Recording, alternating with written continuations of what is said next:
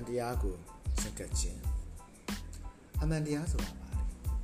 အမှန်တရားဆိုတော့များတော့အဖြစ်လူတွေသတ်မှတ်ထားတဲ့အရာကအမှန်တရားလားလောကကြီးကအနည်းအဖြစ်သဘောဟာတရားကြီးကသတ်မှတ်ထားတဲ့အရာကအမှန်တရားလား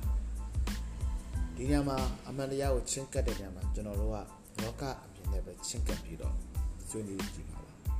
ဓမ္မအမြင်နဲ့အမှန်တရားကိုချင်းကပ်ပြီးဆွေးနွေးတာလို့ပေါ့ပါ အဲ့တော့ကြောင့်လောကကြီးမှာလူတွေအမှန်တရားနဲ့ပတ်သက်ပြီးတော့ယုံကြည်ထားတာလက်ခံထားတာ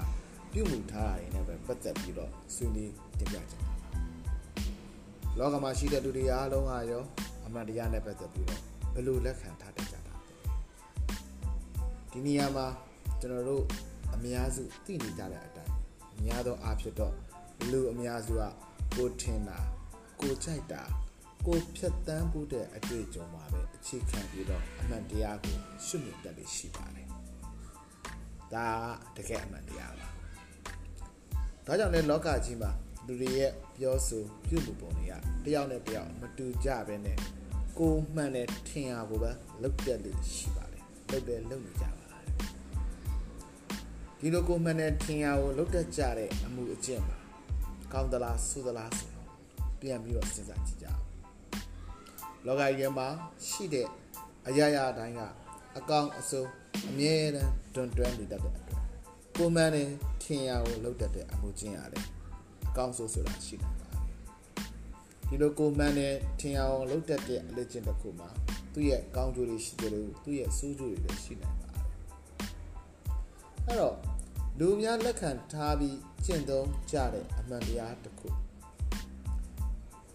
ဒါပေမဲ့ အဲ့ဒီလူများလက်ခံတင်သုံးကြတဲ့အမှန်တရားတစ်ခုကတခြားသူအတွက်တော့မှန်ကျင်မှလည်းပါလိမ့်မယ်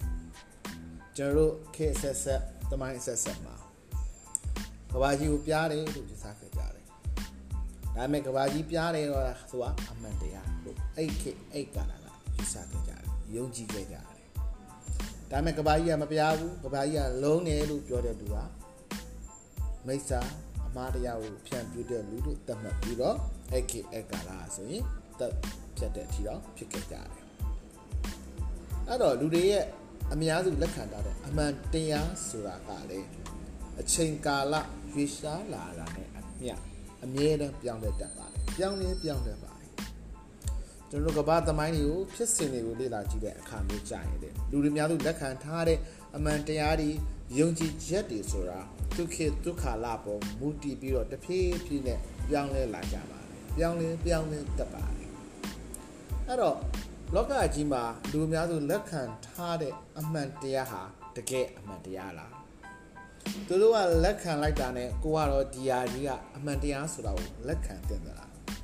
ဒါတော့တစ်ချက်စဉ်းစားတယ် နောက်တစ်ချက်ကလူအများစုလက်ခံကျင်းစားတဲ့အမှန်တရားကိုကြည့်ပြီးတော့လူအများစုကနောက်ထပ်တခြားလူတယောက်ကိုတုံးတက်လေးကောက်ချက်ချလို့ရှိပါတယ်ဒီလူတယောက်ရဲ့လောက်ရက်ကသူတို့လက်ခံထားတဲ့အမှန်တရားတိုင်းမှန်နေမှန်မမှန်မှားလိမ့်မယ်လို့ကောက်ချက်ချလို့ရှိတယ်တနည်းအားဖြင့်ဆွဆွဲချလို့ရှိပါတယ်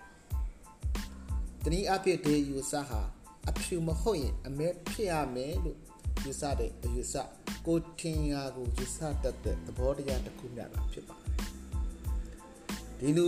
တယောက်ရဲ့အပြုတ်မှုတစ်ခုရဲ့နောက်ွယ်ကစိတ်ခံစားမှုကိုနောက်ထပ်တခြားလူတယောက်က100%ယာနှုံးပြည့်နားမလည်နိုင်ပါဘူးမသိနိုင်ပါဘူး